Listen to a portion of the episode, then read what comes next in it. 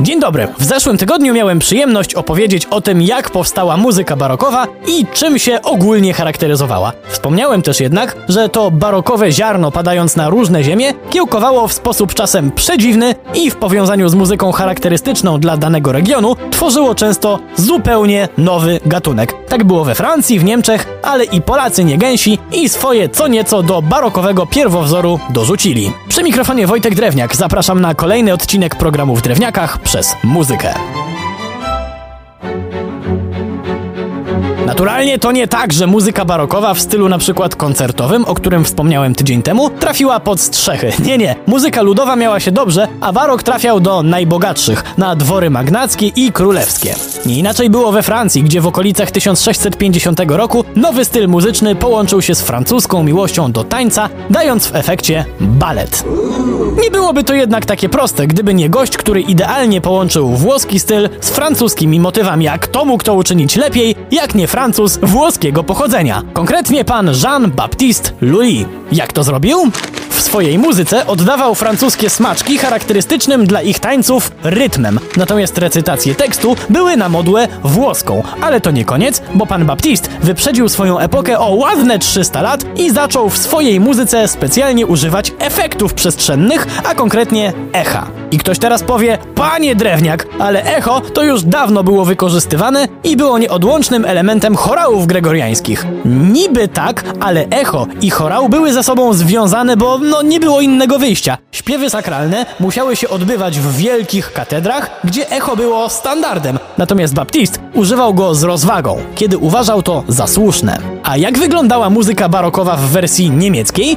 O dziwo dość zaskakująco, bo ta przecież z założenia odrzucająca gotycką sztywność muzyka w kraju naszych sąsiadów bardzo mocno odbiła w stronę muzyki religijnej. A wszystko przez konflikty religijne na czele z wojną 30-letnią. Zarówno katolicy, jak i protestanci postanowili skorzystać z muzyki jako narzędzia szerzenia wiary. Katolicy w zasadzie bez własnego wkładu przyjęli wzorce włoskie, jednak protestanci podeszli do tego z większym kreatywnym luzem. Jak brzmiała barokowa niemiecka muzyka?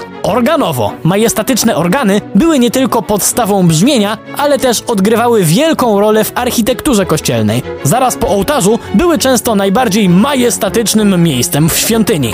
Generalnie Niemcy jednak mieli spory problem, bo nawet mimo, że byli tacy goście jak Michael Pretorius, który nie tylko komponował świetne utwory, ale też dzielił się swoją wiedzą pisząc coś w rodzaju podręcznika muzyki barokowej, to przez długie lata nie można było mówić o jednolitym niemieckim stylu. Takie to było niespójne i wtedy Bach!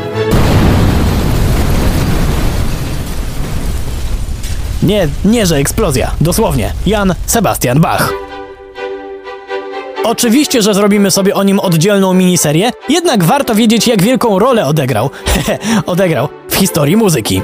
Nie tylko niemieckiej. Poza tym nigdy nie zwalniał tempa. Jego chęć do samodoskonalenia i szukania nowych rozwiązań jest absolutnie imponująca. Na przykład tak bardzo szanował muzykę pewnego mistrza z Lubeki, że wziął wolne u swojego pracodawcy i na piechotę poszedł odwiedzić idola, żeby zadać mu parę pytań. Oczywiście nie bał się żadnego podgatunku. W sumie to w swoim życiu nie napisał tylko opery, jednak do muzyki organowej miał ogromny sentyment. Swoje pierwsze partie napisał właśnie na organy, mając 15 lat, a ostatni utwór organowy dyktował żonie na łożu śmierci.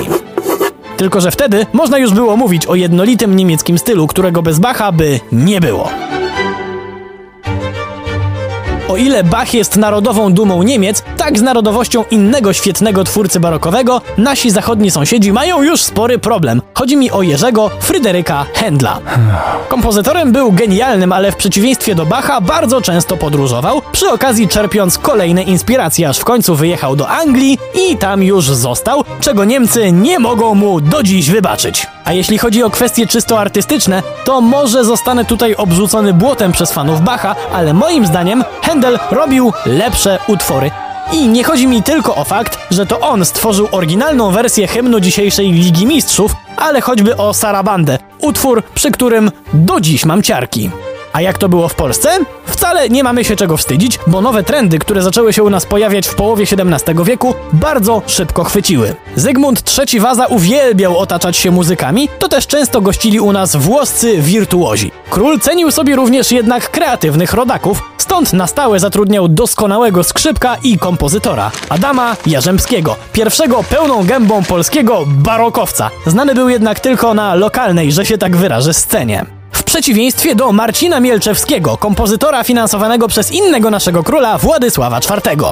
On był znany i bardzo szanowany w tak muzycznie wymagających krajach jak Francja czy Niemcy. Jednak muzykę barokową w Polsce dotknął ten sam problem, co inne dziedziny sztuki wojny. Niezliczone wojny, które sprawiły, że tysiące rękopisów poszło z dymem, a inne po setkach lat odnaleziono na przykład w Szwecji czy w Niemczech. Niewykluczone, że i my mieliśmy swojego Bacha, swój barokowy przebój na miarę Händla, ale nigdy się o tym nie dowiemy. Przy mikrofonie był Wojtek Drewniak. Do usłyszenia.